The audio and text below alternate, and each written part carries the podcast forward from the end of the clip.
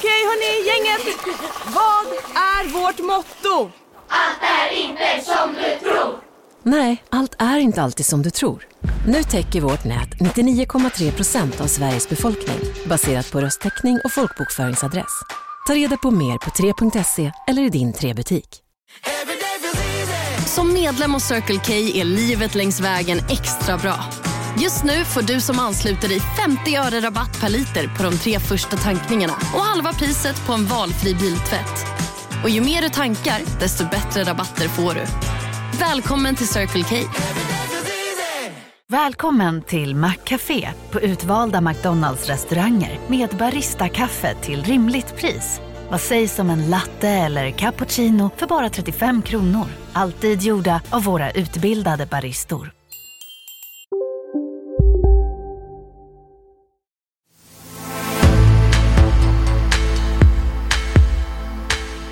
Jag, jag har inte kommit tillbaka till politiken för att Socialdemokraterna ska inha ett maktinnehav för evigt. Eh, jag har en fråga till statsminister Stefan Löfven angående ett uttalande som har väckt en del reaktioner.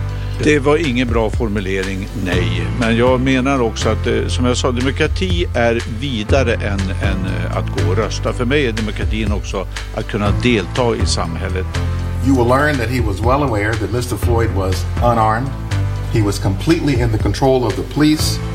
Utvecklingen går nu åt fel håll igen. Håll kvastlängds avstånd. Regeringen ger upp vaccinationsmålet.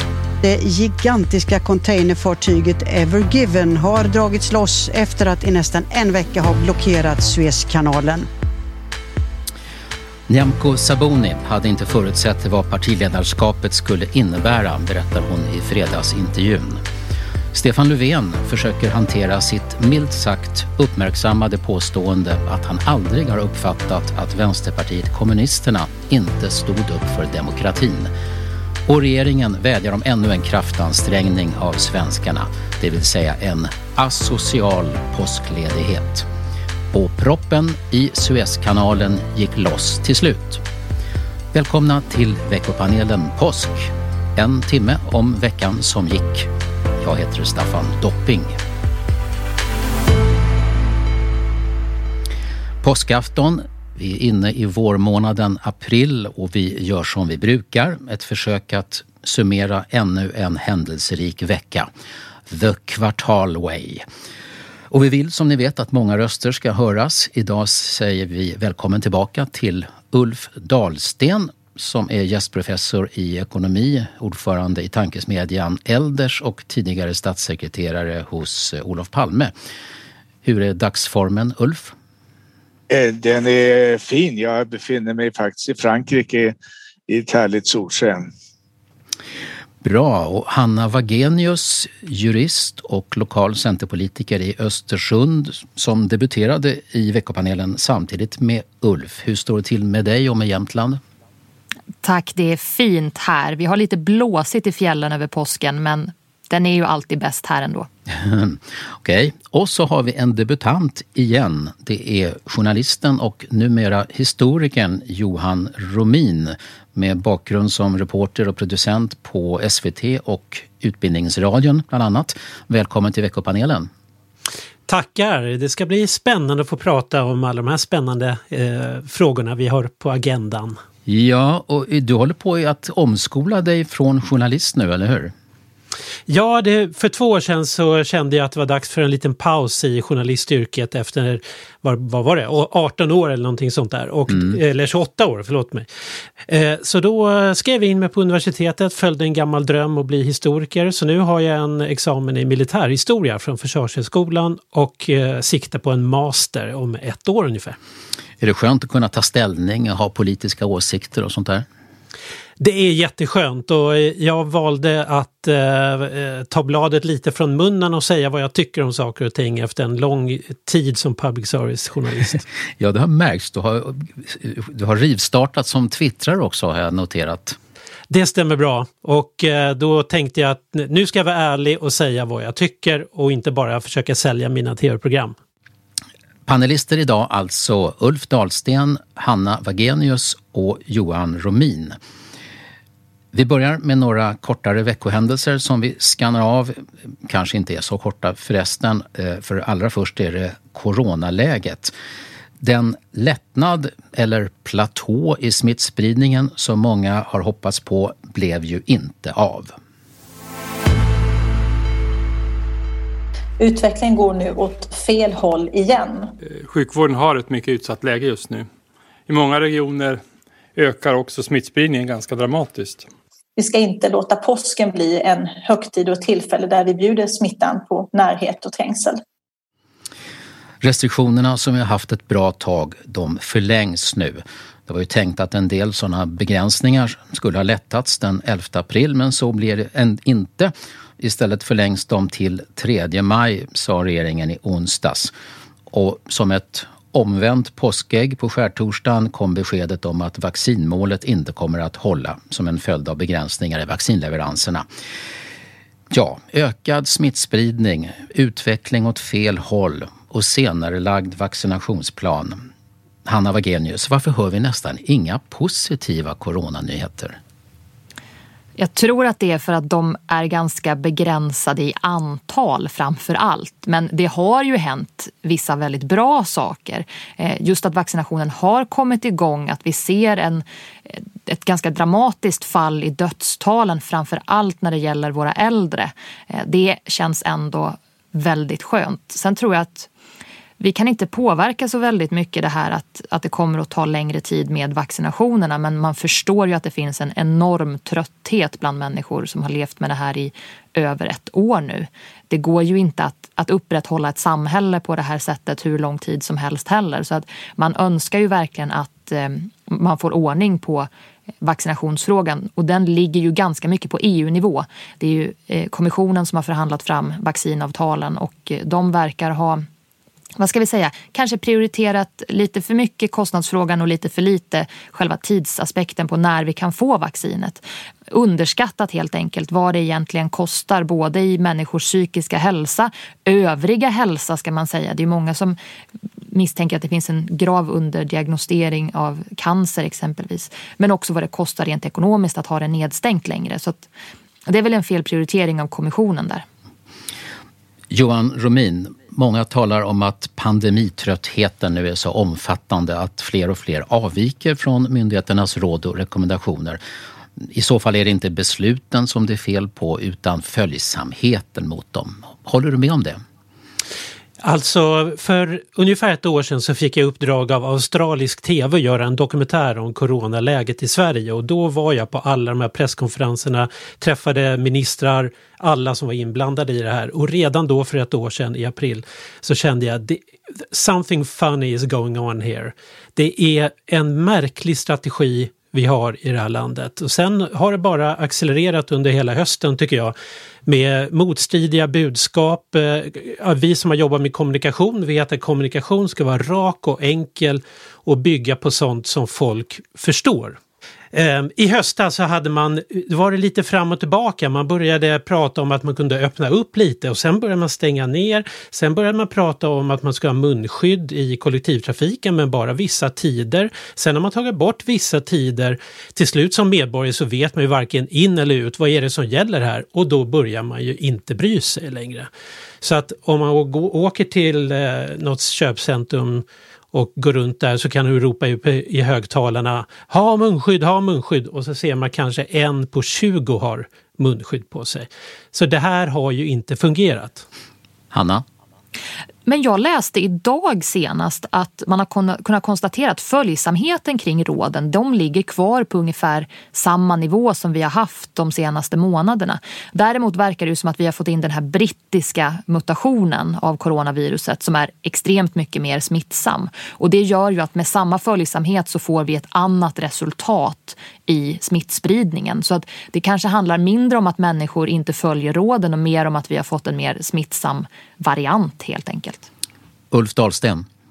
Ja, jag är väl lite grann på Johans linje att eh, det har väl inte gått så här jättebra. Jag, eh, jag hörde förra programmet man jämför, och det som ofta också Folkhälsomyndigheten gör, med länder nere i Europa, men det är inte dem vi ska jämföra oss med vi ska jämföra oss med länder som är lika glesbefolkade som, som vi själva och då är det de nordiska länderna och det, de har ju gått, klarat sig mycket bättre, haft mycket färre döda, väsentligt färre döda. Så att, och jag, jag tror att det är lite grann det här att vi har varit sena på bollen. Vi var sena på bollen i, i de, de länder som har gått bra för, de var snabba snabba med åtgärderna i, förra våren. De var snabba när andra vågen kom. Och det, det känns som, som Johan beskriver lite grann som att vi, vi har liksom velat lite grann och så har tiden gått och så har det blivit värre. Och det känns så med tredje vågen också nu på något sätt att det, det liksom vi, vi kan inte riktigt bestämma oss hur vi ska, om vi ska ta tag i det eller inte och så går tiden och sen blir det då lite halvhjärtat. Eh, men om vi talar om eh, strategin så är det intressant Gieseckes intervju, man får kommentera den igår i 30 minuter. Mm. Där, han, där han ju sa att, att eh, han hade räknat med att det skulle dröja väldigt länge med vaccin och att det var värt att bygga en flockimmunitet genom att släppa på smittspridningen lite snabbt under våren, har stuva undan de här 70-åringarna då som han uttryckt sig vid den tidpunkten och sen så till att, att man fick en smittspridning som sjukvården klarade. Men det höll ju inte eh, och det är också därför att, att det visar sig att det är inte så lätt att bygga flockimmunitet mot den här eh, covid visar sig och nu när vi när man väl kanske möjligen börjar kunna uppnå det mot den första varianten, ja då har vi fått en ny variant. Och det är redan en tredje, tredje fjärde variant på gång och man ser, har ju sett att vi har inget skydd emot den här brasilianska varianten, de som är, har varit eh, smittade, de har inget skydd mot den. Så att det, det här, är, det här flockimmuniteten kan vi glömma, nu är det vaccinering som gäller. Och då är, håller jag med Hanna där att det, det här, här, har ju eh, EU varit liten aning eh, lite, lite naiva i upphandlingen, det måste jag säga att de har varit. Får jag komma in lite om, om intervjun med Johan Giesecke, den var ju enormt talande i ett klipp där de hade satt samman vad är det han egentligen har sagt under våren, eh, förra våren till exempel. Olika, Jo, han eh, verkligen nedtonat det här, det här skulle gå över snabbt och så vidare. Och så vidare. Och så kommer han tillbaka till studion, han skrattar lite kort och säger jag har haft i stort sett rätt hela tiden. Och det, den minuten säger allt om den här myndigheten och vad, hur hela den svenska policyn kring coronastrategin, tycker jag. Där man har kommit med motstridiga uppgifter och nu säger man vi har haft rätt hela tiden det är inte riktigt okej okay i vårt samhälle tycker jag att det har varit på det här sättet. Fast det var inte solklart tyckte jag om Johan Giesecke idag uttalar sig för Folkhälsomyndigheten på samma sätt som på den tiden han hade ett tydligt uppdrag för dem. Det var en viss distansering tyckte jag. Men, men frågan om vaccinering av svenska folket har ju blivit central och i förmiddags, jag talar nu om skärtorsdagen när vi spelar in det här, presenterade socialminister Lena Hallengren en ny överenskommelse med Sveriges kommuner och regioner. Så jag vill ändå få möjlighet att vara väldigt tydlig och säga att det är inte pengar som är problemet. Men företagen har inte förmått leverera fullt ut enligt avtal. Det gör att det inte finns tillräckligt mycket vaccin tillgängligt för att kunna följa den ursprungliga planen sa socialministern. Det lät ju nästan som att det var i polemik med dig, Hanna Wangenius, när hon säger att det har inte varit pengar eller på något vis ekonomiska aspekterna som har påverkat tillgången på vaccin. Nej men det har ju inte varit regeringen egentligen som har påverkat tillgången på vaccin. Det här är ju en gemensam upphandling som har gjorts på europeisk nivå och vi vet ju där att där har eh, kommissionen helt enkelt inte velat, den har helt enkelt inte lyckats gå fram så snabbt som man borde ha gjort och prioriterat att få fram vaccinleveranser snabbare. Det är bara att titta på avtalet med AstraZeneca exempelvis där de inte levererar det som de kanske egentligen har kapacitet till för att man prioriterar Storbritannien före resten mm. av, av EU. Och 30 juni för alla vuxna, det kan vi alltså glömma nu. Beskedet, eller den prognos som är aktuell, är att alla över 65 ska ha fått minst en dos senast den 16 maj. Eh, om en och en halv månad alltså. Men för den stora gruppen, alla över 18 år, men inte över 65, då är det nya sista datumet en bra bit in i augusti, den 15 augusti. Ja, det här är kanske inte mycket att göra åt, eller vad säger ni? Är det bara liksom att, att sucka och säga okej okay då? Ja, alltså, det här är någonting som vi, vi det, det, så är det ju på ett sätt, va? vi kan inte göra mycket åt det. Men, men men jag tycker att det är viktigt hur vi förhåller oss nu under den här tiden. Nu har man börjat med att förlänga restriktioner och det är man ju tvungen till eftersom smittspridningen eh, fortgår. Men som Giesecke faktiskt sa igår, det är inte rimligt att förlänga de här restriktionerna för de äldre som redan är vaccinerade. Eh, det är otroligt många klubbar, seniorklubbar, läsecirklar och annat eh, bland de äldre som man inte kunnat eh, upprätthålla nu under ett års tid. Och då att upprätthålla åtta, åtta personers regeln för, för de som är vaccinerade är inte rimligt det, det, måste vara möjligt att börja återsamlas i alla de här, i alla de här föreningssammanhang, klubbsammanhang som, som äldre nu inte har kunnat göra på ett år när de var stuvade, undanstuvade eh, mm. och, och eh, när de är vaccinerade allihopa. Tack Ulf. Hanna? Jag tycker ju att en sak som är bra med de signaler som har kommit senare tiden när det kommer till vaccinering det är att man ställer om och försöker prioritera att ge så många som möjligt första dosen vaccin istället för att strikt hålla på att du ska få första och sen andra och sen går vi på nästa grupp. Det kommer ju att ge ett större skydd i samhället. Jag vet att Finland har också valt den vägen för att just eh, göra det mindre riskfyllt. Det är ju så att inget vaccin fungerar ju till 100 procent eh, och det gör ju att man blir ju ändå orolig för våra äldre om, om man skulle börja träffas fler, om det är färre som har fått ens första sprutan. Så förhoppningsvis kommer det att åtminstone göra någonting lite gott i det här och, och göra att vi får en minskad smittspridning nu under våren. Jag tycker man ska prioritera de äldre personer i min mammas eh, generation. Hon är 86 år, hon har fått den första sprutan, måste vänta i sex veckor på den andra sprutan. Och innan jag eh, får min spruta då vill jag att alla 80-plussare, alla 70-plussare har fått sin. Nu går vi över till en nyhet som först var ytterst nedslående och kostsam men som verkar sluta i dur.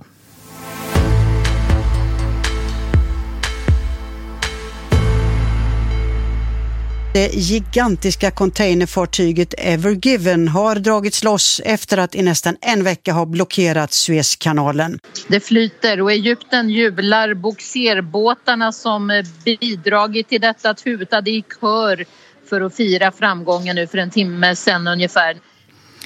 Sveriges Radios Cecilia Uddén rapporterade om den lyckade aktionen för att superfartyget med över 18 000 containrar skulle dras loss från grundet i Suezkanalen, handelsartären mellan Asien och Europa. Men var det otur med vädret eller buskörning som låg bakom grundstötningen? Det ska utredas nu och det är enorma summor det har kostat. Vad, vad tror Ulf Dahlsten? Nej, jag vågar inte ha en uppfattning om det. Däremot tror jag man kan ha en uppfattning om vad konsekvensen eh, blir. För att redan nu så talar allt fler om att det här ger en skjuts åt eh, det som kallas North Sea Route, alltså den här vägen från Shanghai eh, norr om Sibirien till, till Europa som är sju dagar kortare och där, där man nu upprätthåller den vintertid genom, genom att ha isbrytning. Men med, med climate change som tyvärr eh, pågår så kommer väl det att vara helt öppet om några år. Så det, där, det många räknade med ett väldigt kraftigt uppsving av den. Och det tror jag är kanske den största konsekvensen av det här. Johan, vad är din reaktion på den här händelsen? Ja, min eh, tanke gick ju till hur, hur ska vi egentligen klara klimatmål? Hur ska vi egentligen klara av att gå mot, röra oss mot ett hållbart samhälle när det här fortfarande är en sån stor del av vår kultur att vi vill köpa billiga saker från Kina som ska fraktas på det här sättet. Eh, hur vi ska vända det här, det är svårt att säga men eh, jag hoppas att det går, men eh, kanske inte så troligt dock. Hanna Wagenius, hade du hjärtat i halsgropen när du fick den här nyheten? Jag tror inte att man från början riktigt förstod vidden eh, när, när den liksom körde fast av hur stort problem det här var. Eh, Egentligen kan man tycka att de som har hand om Suezkanalen kanske borde fundera över hur stora fartyg de egentligen tillåter. Eh, jag föreställer mig att man har lite möten om det för närvarande och, funderar över hur ser vi till så att det här aldrig händer igen. Den här båten var ju tydligen en... lika lång som om, om man lägger Eiffeltornet liksom ner på marken. Så någonting. Precis, jag såg någon, någon jämförelse där de hade stora byggnader, bland annat eh, tornet Baradur ur Sagan om ringen. Eh, det tyckte jag var en rimlig, rimlig jämförelse. Och, eh, man måste ju vara medveten om att ju större skepp man kör därigenom desto större är också risken för att någonting går mm. väldigt, väldigt snett. Och det är ju en riskavvägning som man alltid måste göra där. Eh, jag tror ju att det i grund och botten är bra att vi handlar med varandra. Och jag tycker det är fascinerande hur lite vi märker av all den här logistiken så länge funkar, den ja. fungerar. Mm. Att det är ju helt fantastiskt egentligen om, om man tänker på det. Man går i affärerna idag och man ser att vi kan köpa varor från hela världen. Eh, men Även vi sätter egentligen inte en tanke kring Även i pandemin kan vi göra det men vi har egentligen inte en tanke på hur hamnade mm. de där. Och det är väldigt intrikata system som har vuxit fram på den fria marknaden som gör att vi kan göra det och det är i grund och botten någonting fantastiskt och som vi ska vara rädda om. Och det är kanske det som den här krisen mest kommer att påminna oss om. Stoppet var ju en vecka ungefär, och det, men det är ju massor med fartyg som då alltså blir väntande på olika håll där. Jag hörde i Ekots rapportering att många fartyg som använder den här rutten transporterar levande djur i sina containrar. Närmare 200 000 djur ska ha funnits på fartyg som blev väntande, mest får. Eh, Hanna, det är en annan aspekt på den här trafiken. Ja, och den är ju otroligt allvarlig. Jag är ju själv uppvuxen med just får för att mina föräldrar hade det under, under min barndom. Det är fantastiska djur och jag mår lite illa vid tanken på att de ska ha suttit fast i den här värmen på en båt under den här tiden. Jag vet att eh, vår Europaparlamentariker Emma Wiesner har ju lyft den här frågan i Europaparlamentet nu också när rapporterna har kommit om att det har varit djur. Jag har förstått det som att de mest är transporterade från Rumänien. Och för mig är det fascinerande att vi fortfarande kan tillåta den typen av djurtransporter. Det, är, det känns inte okej. Okay. Men du menar att de flesta fåren alltså kommer från Europa och sen åker genom Suezkanalen för att mot Asien, är det så? Jag vet faktiskt inte om de var på väg norrut eller söderut. Jag tycker att det är lika problematiskt åt vilket ja, håll jo. egentligen. Men, men det, det, antingen skulle de till eller från Rumänien som jag förstod det. Mm. Johan? Nej men det här sätter ju fort, eh, ännu mer eh, fokus på tankar om hållbarhet känner jag när du berättar det här. Jag hade aldrig hört talas om det tidigare men det, lät, det låter fruktansvärt tycker jag. Får jag lägga till det, alltså när det gäller hållbarhetsfrågorna så ska vi komma ihåg att eh, ett stort problem med de här transporterna mellan eh, öst och väst är ju att så mycket går via flyg faktiskt och i växande grad dessutom. Eh, och här finns det ju då planer, eh, man kan tycka olika saker om det men det här sidenvägsprojektet som Kina håller på med det innehåller faktiskt också en del järnvägsförbindelser som skulle då kunna ersätta de här flygförbindelserna. Eh, tyvärr har vi ju lite beröringsskräck här nu när det gäller Kina men jag, egentligen tycker jag vi borde eh, engagera oss i och se till att det där blir någonting vettigt av det för att det, det skulle kunna bli något bra för miljön om vi fick järnvägsförbindelser och, och fick det istället för flyget som, som, medel för de grejer som ska fram snabbt. Och då går vi över till vårt första huvudämne.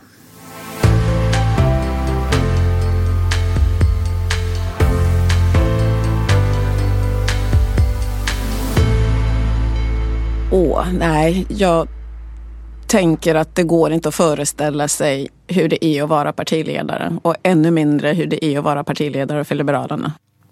Ja, Nyamko Sabuni var öppenhjärtig i Kvartals fredagsintervju. Hon medgav att partiledarjobbet har inneburit en del överraskningar och väldigt många viljor. Och så här sa hon om det som den utdragna diskussionen i partirådet handlade om förra helgen. Partiledningens vilja att säga att den vill sitta i en borgerlig regering även om det blir med stöd av Sverigedemokraterna. När jag säger att vi ska vara beredda att prata med alla för att lösa de här konkreta problemen, då kan ju det upplevas att jag öppnar upp dörren för mörka krafter. Men den dörren öppnade 2010 när de kom in i riksdagen. Det är inte så att de inte har inflytande. Och, och, en del ogillar att jag säger att de är isolerade. Nej, de är ju inte isolerade i verkligheten. De har ju inflytande. Men vi har ju kommunicerat i våra dokument, nedtecknat, att syftet med samarbetet denna mandatperiod är att isolera ytterkanter. Och det som låg på bordet efter fyra månaders samtal så fanns det fanns den här vägen som nu fick tydlig majoritet eller att vi skulle fortsätta på samma sätt där vi ser tillbaka till 2018 års beslut. Inte på något vis har någonting med, med, med ytterkanter att göra. Ja, framförallt då Sverigedemokraterna. Mm. Och det menar jag det, det, det är ingen lösning. Det är ingen lösning att göra som man har gjort enligt januariöverenskommelsen tyckte Nyamko Sabuni. Ulf Dahlsten, vad säger du när du har hört Sabuni förklara hur hon ser på Liberalernas utgångsläge och lärdomarna av de här två åren då med januariöverenskommelsen? Ja, alltså jag, eh, jag kan ju på ett sätt förstå henne faktiskt, eh, att hon eh, vill ha en diskussion om det här och jag tror att hon har, hon har delvis rätt i att Eh, sättet att eh, bemöta Sverigedemokraterna behöver utvecklas. Det, det, går inte längre att bara påminna om deras nazistiska förflutna. Det är, det är sant, det, var, det finns ett sådant förflutet men jag tror att det, om man nu ska förhålla sig till dem och det ska man därför att jag tycker att de i, i många avseenden har en, en politik som är rätt förfärlig Eh, så är det till deras politik man ska förhålla sig och det är den man ska börja bemöta eh, och det är den man ska liksom disk diskutera mera konkret. Så här generella bara fördömanden av att eh, Sverigedemokrater, de är gamla nazister och så här, det fungerar inte längre. Eh, han, han har gjort alldeles man partiledare har gjort alldeles för många förtroendegivande framträdanden i tv för att det där ska eh, eh, gå hem längre.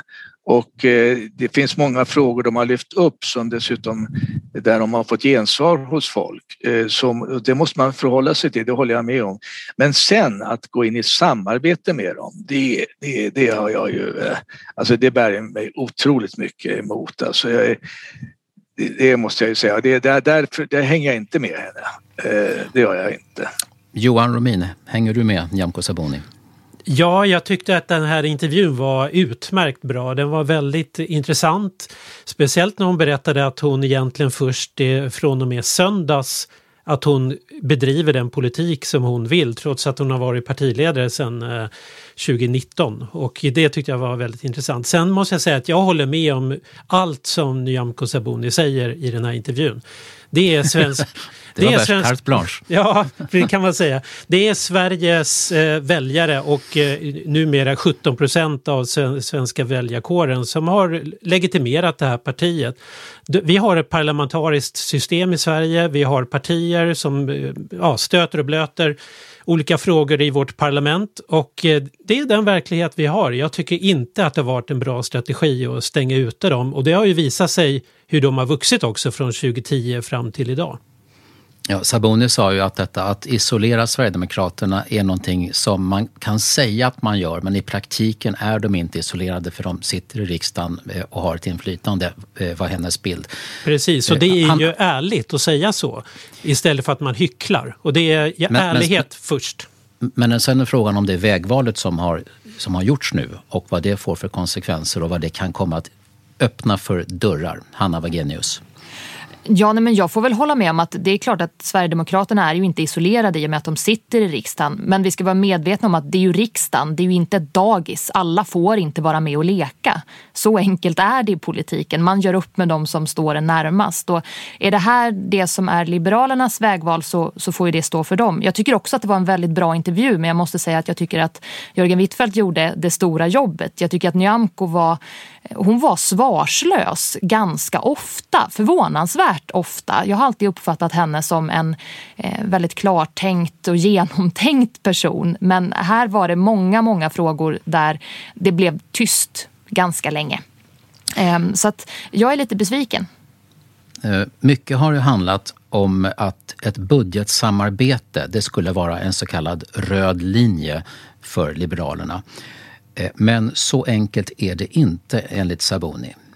För mig är inte problemet att de påverkar en budget. För mig är problemet hur de i så fall skulle kunna mm. påverka, med vilka frågor. Och det har inte lagts fram några frågor, det har inte lagts fram några krav. Nej. De enda frågor som läggs fram på förhandlingsbordet, det kommer från journalister. Men jag förhandlar inte med journalister. Hej, Susanne Axel här. När du gör som jag och listar dig på en av Krys vårdcentraler får du en fast läkarkontakt som kan din sjukdomshistoria. Du får träffa erfarna specialister, tillgång till lättakuten och så kan du chatta med vårdpersonalen. Så gör ditt viktigaste val idag, lista dig hos Kry. Hej, Synoptik här. Livet med glasögon ska vara bekymmersfritt. Därför får du 30% på alla glasögon när du väljer Synoptik All Inclusive. All service ingår alltid. Välkommen till Synoptik. Big Mac har miljarder fans över hela världen. Under mer än 50 år har den skapat popkulturell historia. En legend med 100% nötkött och den mytomspunna såsen. Nu finns Big Mac för bara 39 kronor på McDonalds.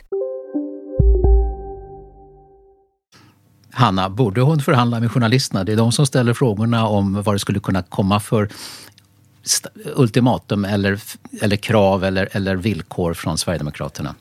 Nej, det är klart att hon inte ska förhandla med journalisterna men eh, där gjorde ju också Wittfeldt en poäng precis efter där du klippte om att man kan ju ändå räkna ut någorlunda kring vad kommer det att handla om som Sverigedemokraterna vill ha i utbyte mot att de stödjer en budget. Och där gör man ju naturligtvis olika bedömningar av vad som är möjligt att eh, få fram. Och vill man testa det här Absolut. Får ni stöd för det i riksdagen, gör ett försök. Det kan vi ju inte hindra. Det är ju så som en, en, demokrati fungerar. Eh, jag är ändå övertygad om att det kommer att misslyckas. Det kommer inte att, att fungera att stödja sig på Sverigedemokraterna därför att de har ett i grunden så annorlunda syn på demokratin. Eh, jag vill kanske inte som som många kallar dem för odemokratiska, men de tillhör ju inte den här fåran som stödjer en liberal demokrati. Och vi måste skilja på bara begreppet demokrati och att ha en liberal demokrati, för det innefattar ändå också vissa mänskliga rättigheter och saker som, demokra- alltså, som den folkvalda församlingen inte får besluta om. Och det skiljer ändå ett majoritetens eh, vad ska man säga, folkvälde och eh, van, möjlighet till vanstyre från den civiliserade världen som vi har i väst idag.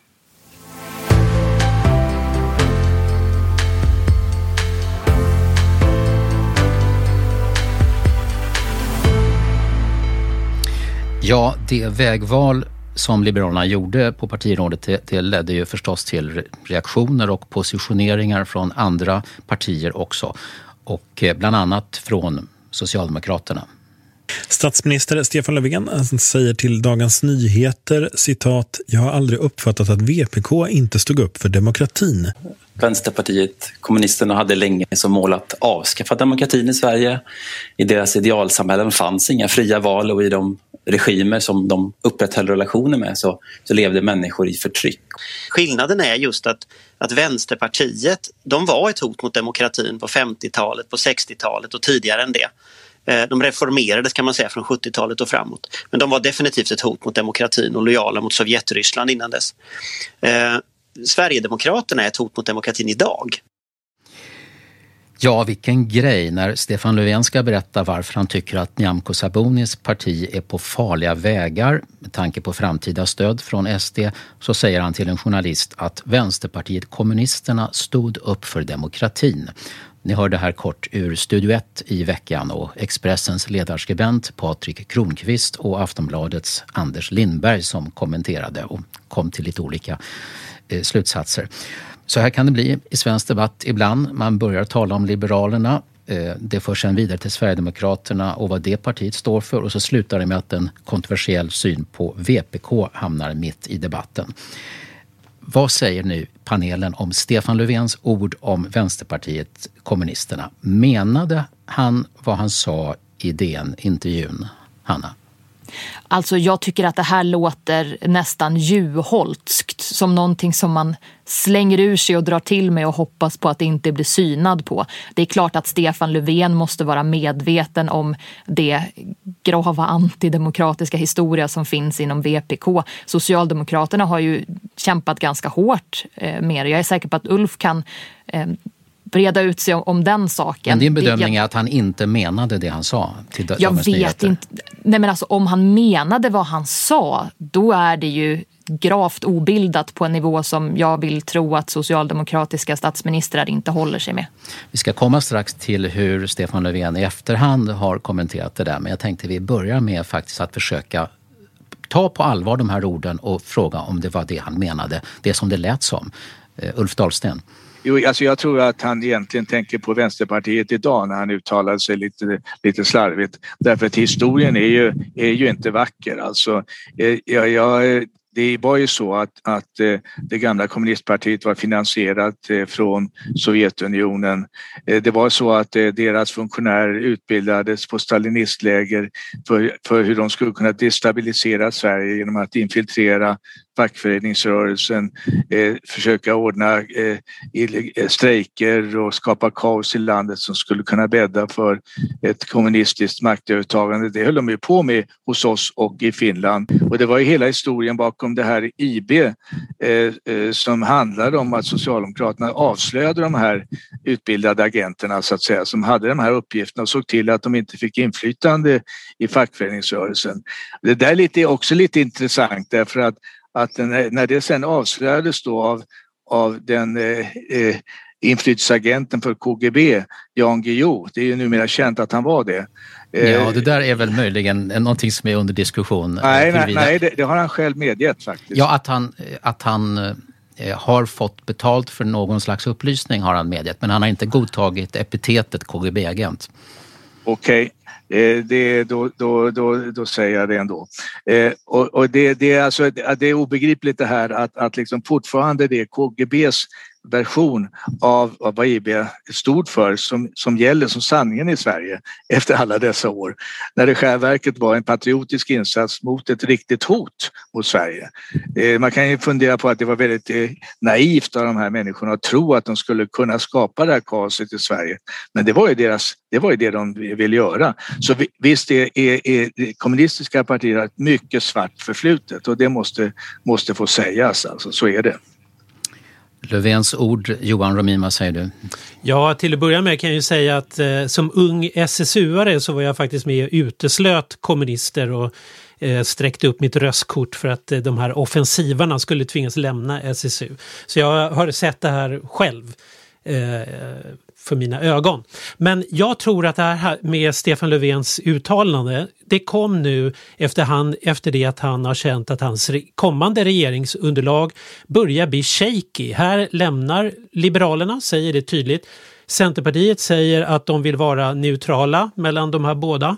Eh, Miljöpartiet kan åka ur, ganska troligen att de gör det och då finns det bara Vänsterpartiet kvar.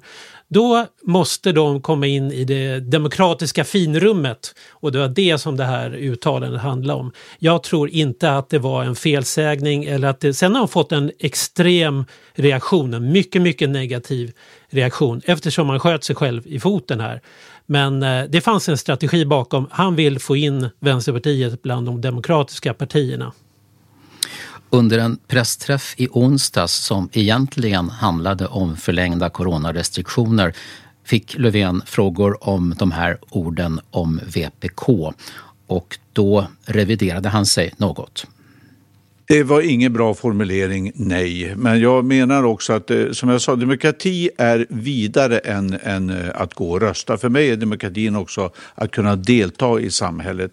Och jag hade aldrig uppfattat att man ville minska eh, folkbildning eller, eller, eller för den delen tycka att judar och samer inte kan vara svenskar. Den delen, eh, I den delen menar jag. Men eh, att vi, eh, socialdemokratin har som sagt alltid varit tydlig mot kommunismen och är det fortfarande. Ja, frågan är ju om den här definitionen av demokrati, där Löfven bland annat tog upp sverigedemokratiska förslag om ekonomiskt stöd till folkbildningsverksamhet och synen på vem som är svensk och inte, gör det uttalandet i DN om VPKs demokratiska halt mer begripligt? Hanna Wagenius.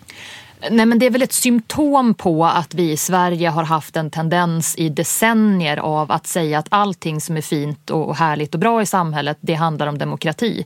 Så är det ju inte. Eh, demokrati, det handlar om folkstyre. Den liberala demokratin handlar om att begränsa folkstyret med mänskliga rättigheter och sen finns det många andra saker i ett samhälle som också är bra, viktiga och ibland fullständigt nödvändiga för att vi ska kunna upprätthålla vårt samhällsskick. Eh, och han har ju absolut rätt i att nej men Vänsterpartiet har, har inte liksom försökt att eh, frånta samerna sina ursprungsbefolkningsrättigheter eller säga att de inte är svenskar eller så.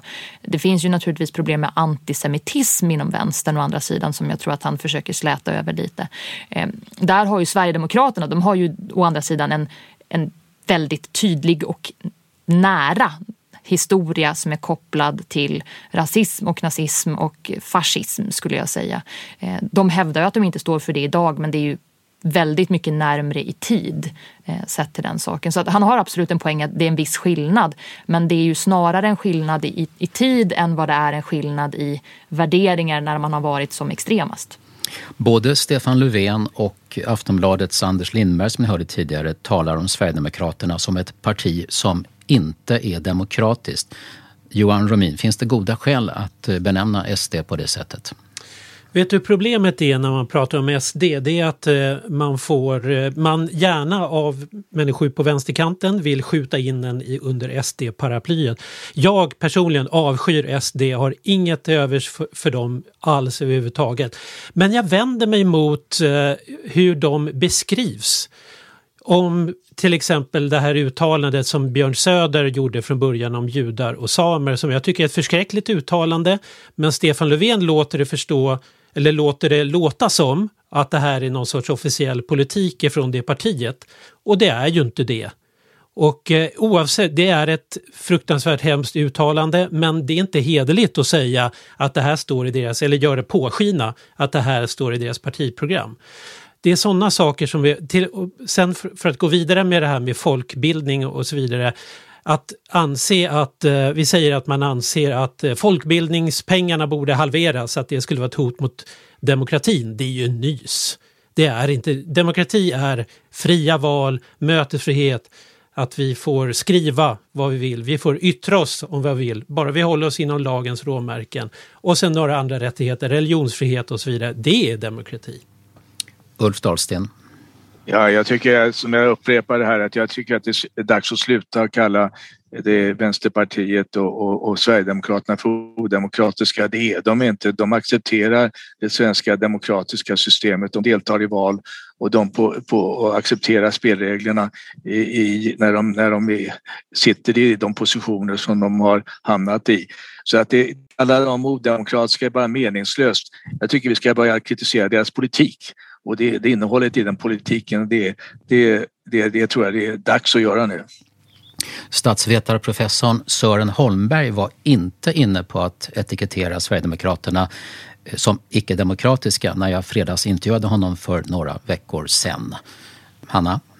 Nej, men jag håller med. Jag tycker att det här skymmer ju den diskussion som vi borde ha om vad som egentligen är problematiskt med de här partierna. Vad är det i grunden som är problematiskt med Sverigedemokraterna? Det är ju inte det att de inte tycker att man borde ha fria val. Tvärtom så lever ju de under någon sorts föreställning om att de företräder en tyst majoritet i det här landet. Problemet med Sverigedemokraterna är ju att man inte accepterar de begränsningar som ska finnas av den offentliga makten. Man vill göra en fullständig omdaning av samhället. Man vill styra människor så mycket som, som möjligt och forma dem så mycket som möjligt. Det är ju någonting som går helt på tvärs med den liksom liberala grundinställning som jag tycker att man ska ha till människan där var och en får forma sitt eget liv så länge hon inte tvingar och skadar någon annan. Där borde vi ju lägga tyngdpunkten. Men jag tror att det är tyvärr många som är oroliga för att förlora den debatten och därför så vågar man inte överhuvudtaget titta på sakfrågorna utan man nöjer sig med att etikettera. Eh, och det tycker jag är djupt problematiskt. Veckopanelen går vidare.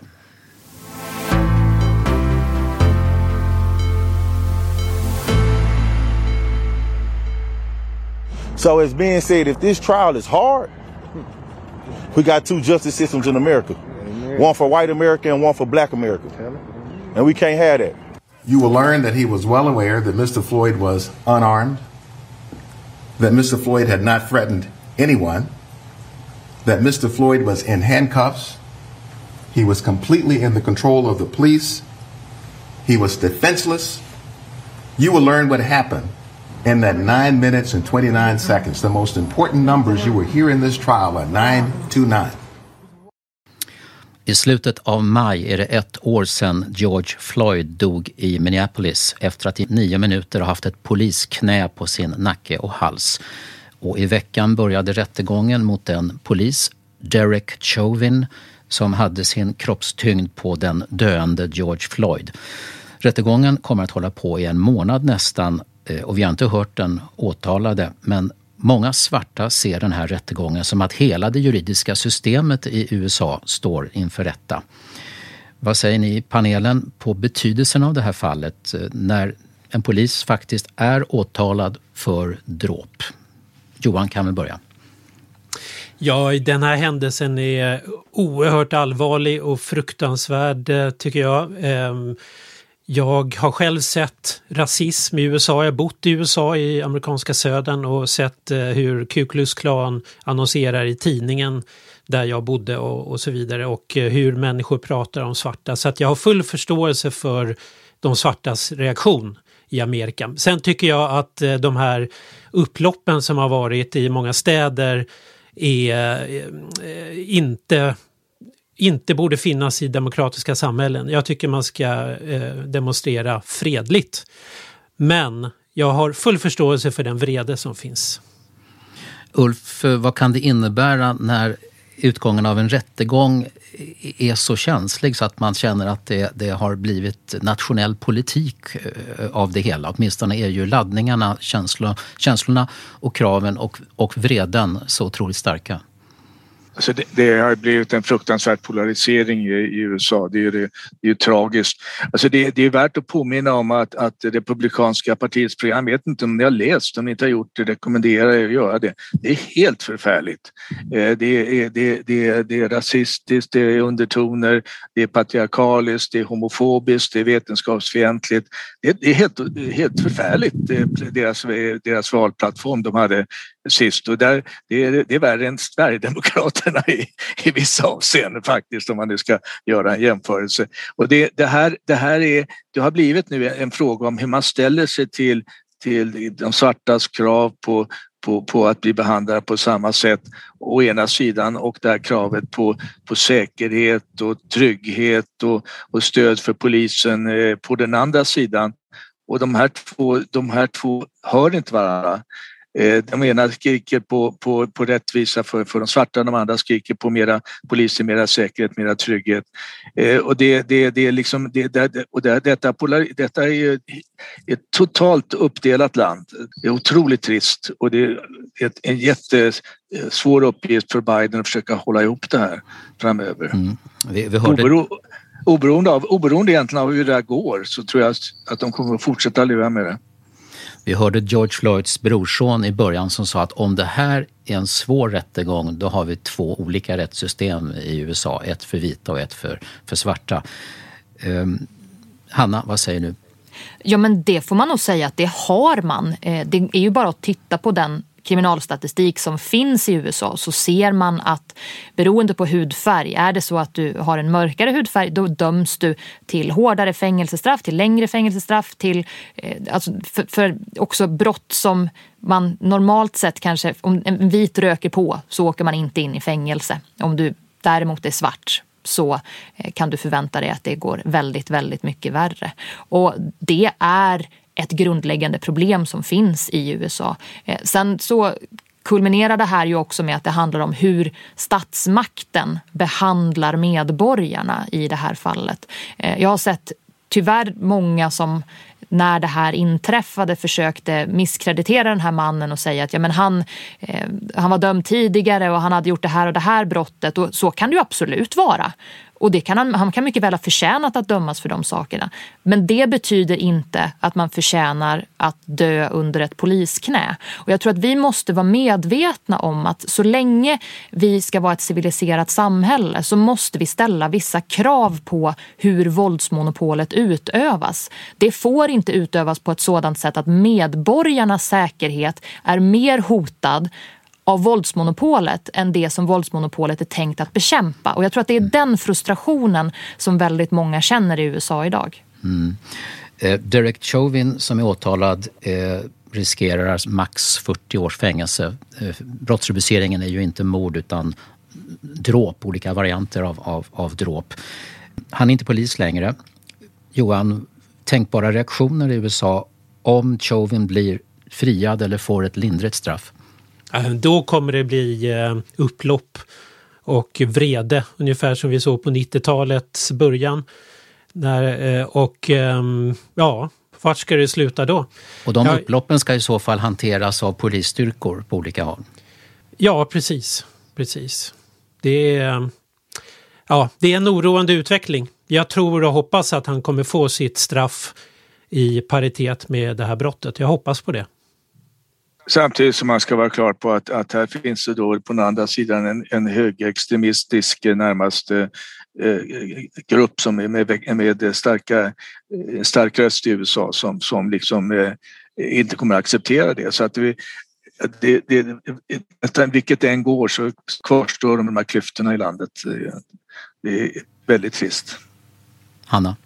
Ja men det här är ju klyftor som, jag tror att man gör sig själv en otjänst om man tror att polariseringen har kommit nu. USA har varit ett polariserat land under århundraden. Man har ju haft slaveri fram till alldeles för nyligen om vi ska vara, eh, vara helt ärliga här. Och det är klart att det lever kvar. Det tar tid att, att förändra och det är därför som det också är så otroligt, otroligt viktigt att det offentliga samhället, att den rättsvårdande myndigheten verkligen ser till att inte göra skillnad på människor utifrån de här sakerna. Därför att så länge man gör det så kommer det vara omöjligt att överbrygga de, de skillnader i synsätt som finns. Och det betyder, tycker jag, att det offentliga måste ta ett större ansvar. Man måste se till så att livsmöjligheterna för framförallt svarta i USA får, blir väldigt mycket bättre. Att man ser till att de orättvisor som finns inbyggda i justitiesystemet, att de försvinner. Att man inte dömer människor olika beroende på hudfärg. Annars kommer det här aldrig att gå. Vi följer den här rättegången och de andra tre poliserna som också var med, eh, men som inte var de som hade knät på Floyd, de eh, kommer att eh, ställas inför rätta i en särskild rättegång i slutet på sommaren. Nu har det blivit dags för panelens fria åkning, höll jag på att säga, nämligen veckans person eller veckans ord. Vem vill börja med detta? Jag kan Ulf börja. kanske? Johan kan börja. Jag tycker veckans person är Nyamko Sabuni. För att för första gången som partiledare så får hon eh, bedriva den pol politik som hon själv tror på. Det måste ju ändå kännas stort någonstans. Och eh, när det gäller ut, veckans uttalande så måste jag säga, även om jag inte tycker om det uttalandet, men så ty- jag tycker att det var oerhört talande uttalande, så är det Stefan Löfven. Jag har aldrig uppfattat att VPK inte stod upp för demokratin. Där försökte han tvätta eh, Vänsterpartiet och dess historia. Jag kommer inte glömma det när jag går till valurnan nästa gång. Du körde både veckans person och veckans ord. Det är ju egentligen antingen eller, men det är klart, mycket vill ha mer. Okej, tack eh, Johan. Hanna? Ja, men jag tar ett eh, väldigt säsongsbetonat ord, nämligen påskägg, som ju naturligtvis är väldigt aktuellt eftersom att vi går in i påsken här, men som också får mig att tänka på att det är kul hur ord utvecklas. Om du talar med en eh, yngre person som lever mycket i dataspelsvärlden nu så skulle de nog snarare associera det till att man kan upptäcka liksom små hemliga inbyggda saker på hemsidor och i spel och grejer snarare än att det ska vara just godis som det handlar om. Eh, Mhm. Och jag tycker det är intressant hur sak, liksom ord kan få helt nya betydelser i den digitala världen och det är också väldigt spännande. Säger någonting om utvecklingen vi fortfarande lever i. Vi är inte klara med den. Är det inte lite läskigt när ord som man trodde att man visste vad de betydde och så visar det sig att det är någonting helt annat? Är det, är det bara härligt det? Man kan välja att se det som läskigt eller så kan man välja att se det som utvecklande. Tror jag. Tack för det. Ulf? Jo, jag ska lyfta fram Berlin. Eh, där har de kommit på hur man ska kunna öppna teatrar och sätta igång ett vanligt liv igen. De säljer på nätet så säljer de eh, ett paket där man får köpa biljett och samtidigt eh, ett snabbtest. Och så infinner man sig till teatern en timme innan, gör sin snabbtest. Är den okej? Okay? Eh, så eh, och är det grön då, då kan man gå, får man sin biljett. Är den eh, inte det så får man tillbaka pengarna. Och så finns det naturligtvis möjligheter för dem att köpa biljetter direkt som är vaccinerade. Varför kan vi inte börja med det här i Sverige nu? Och få igång kulturlivet som vi har haft så på sparlåga så länge. Det tycker jag vore en fantastisk grej att ta efter. Heja Berlin! Jag har faktiskt gjort ett sånt test så jag kan, eh, jag kan eh, vidimera att det är ett bra test. Så det, jag håller med dig. Åkte inte Nederländerna på ett bakslag med just det här systemet för ett tag sedan tyckte jag jag hörde någonting om idag. Jag får kolla upp det närmare. Annars tycker jag också att det hade varit väldigt, väldigt trevligt. Man är less på att inte kunna ta del av någon form av livekultur för närvarande. I panelen idag Hanna Wagenius, jurist, tidigare ordförande i Centerns ungdomsförbund. Johan Romin, historiker, tidigare tv-journalist. Ulf Dahlsten, gästprofessor, en gång statssekreterare i socialdemokratiska regeringar. Stort tack för idag. Är det några sista ord ni vill säga hur det känns inför påsken och framtiden? Framtiden kan bara bli bättre. Det, det, kan inte bli sämre menar du?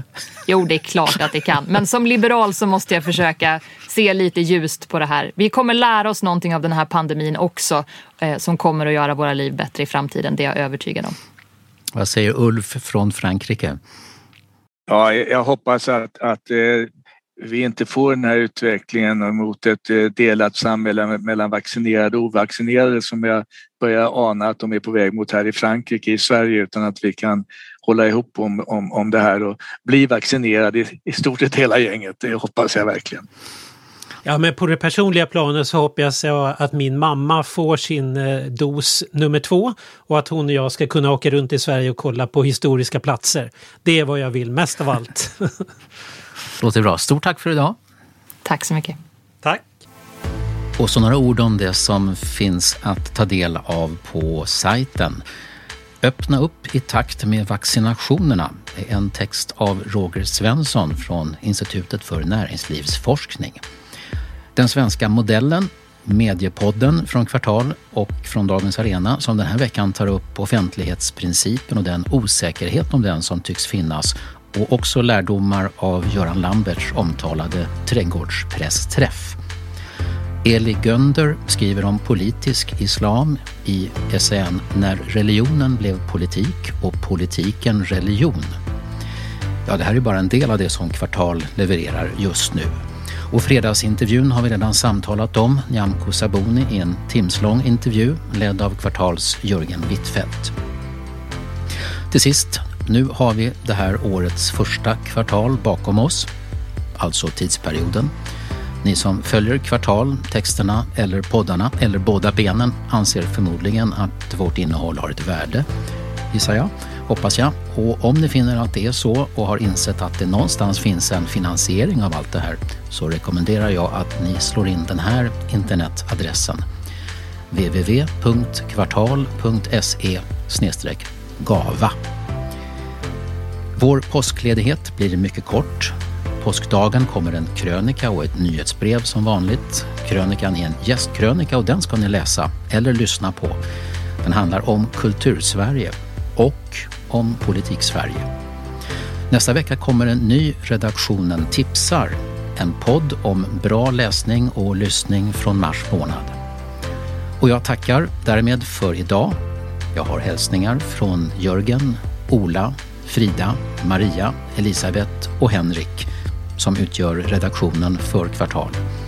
Och vi har precis det utrop som ni redan visste. Glad själv och tänk påsk!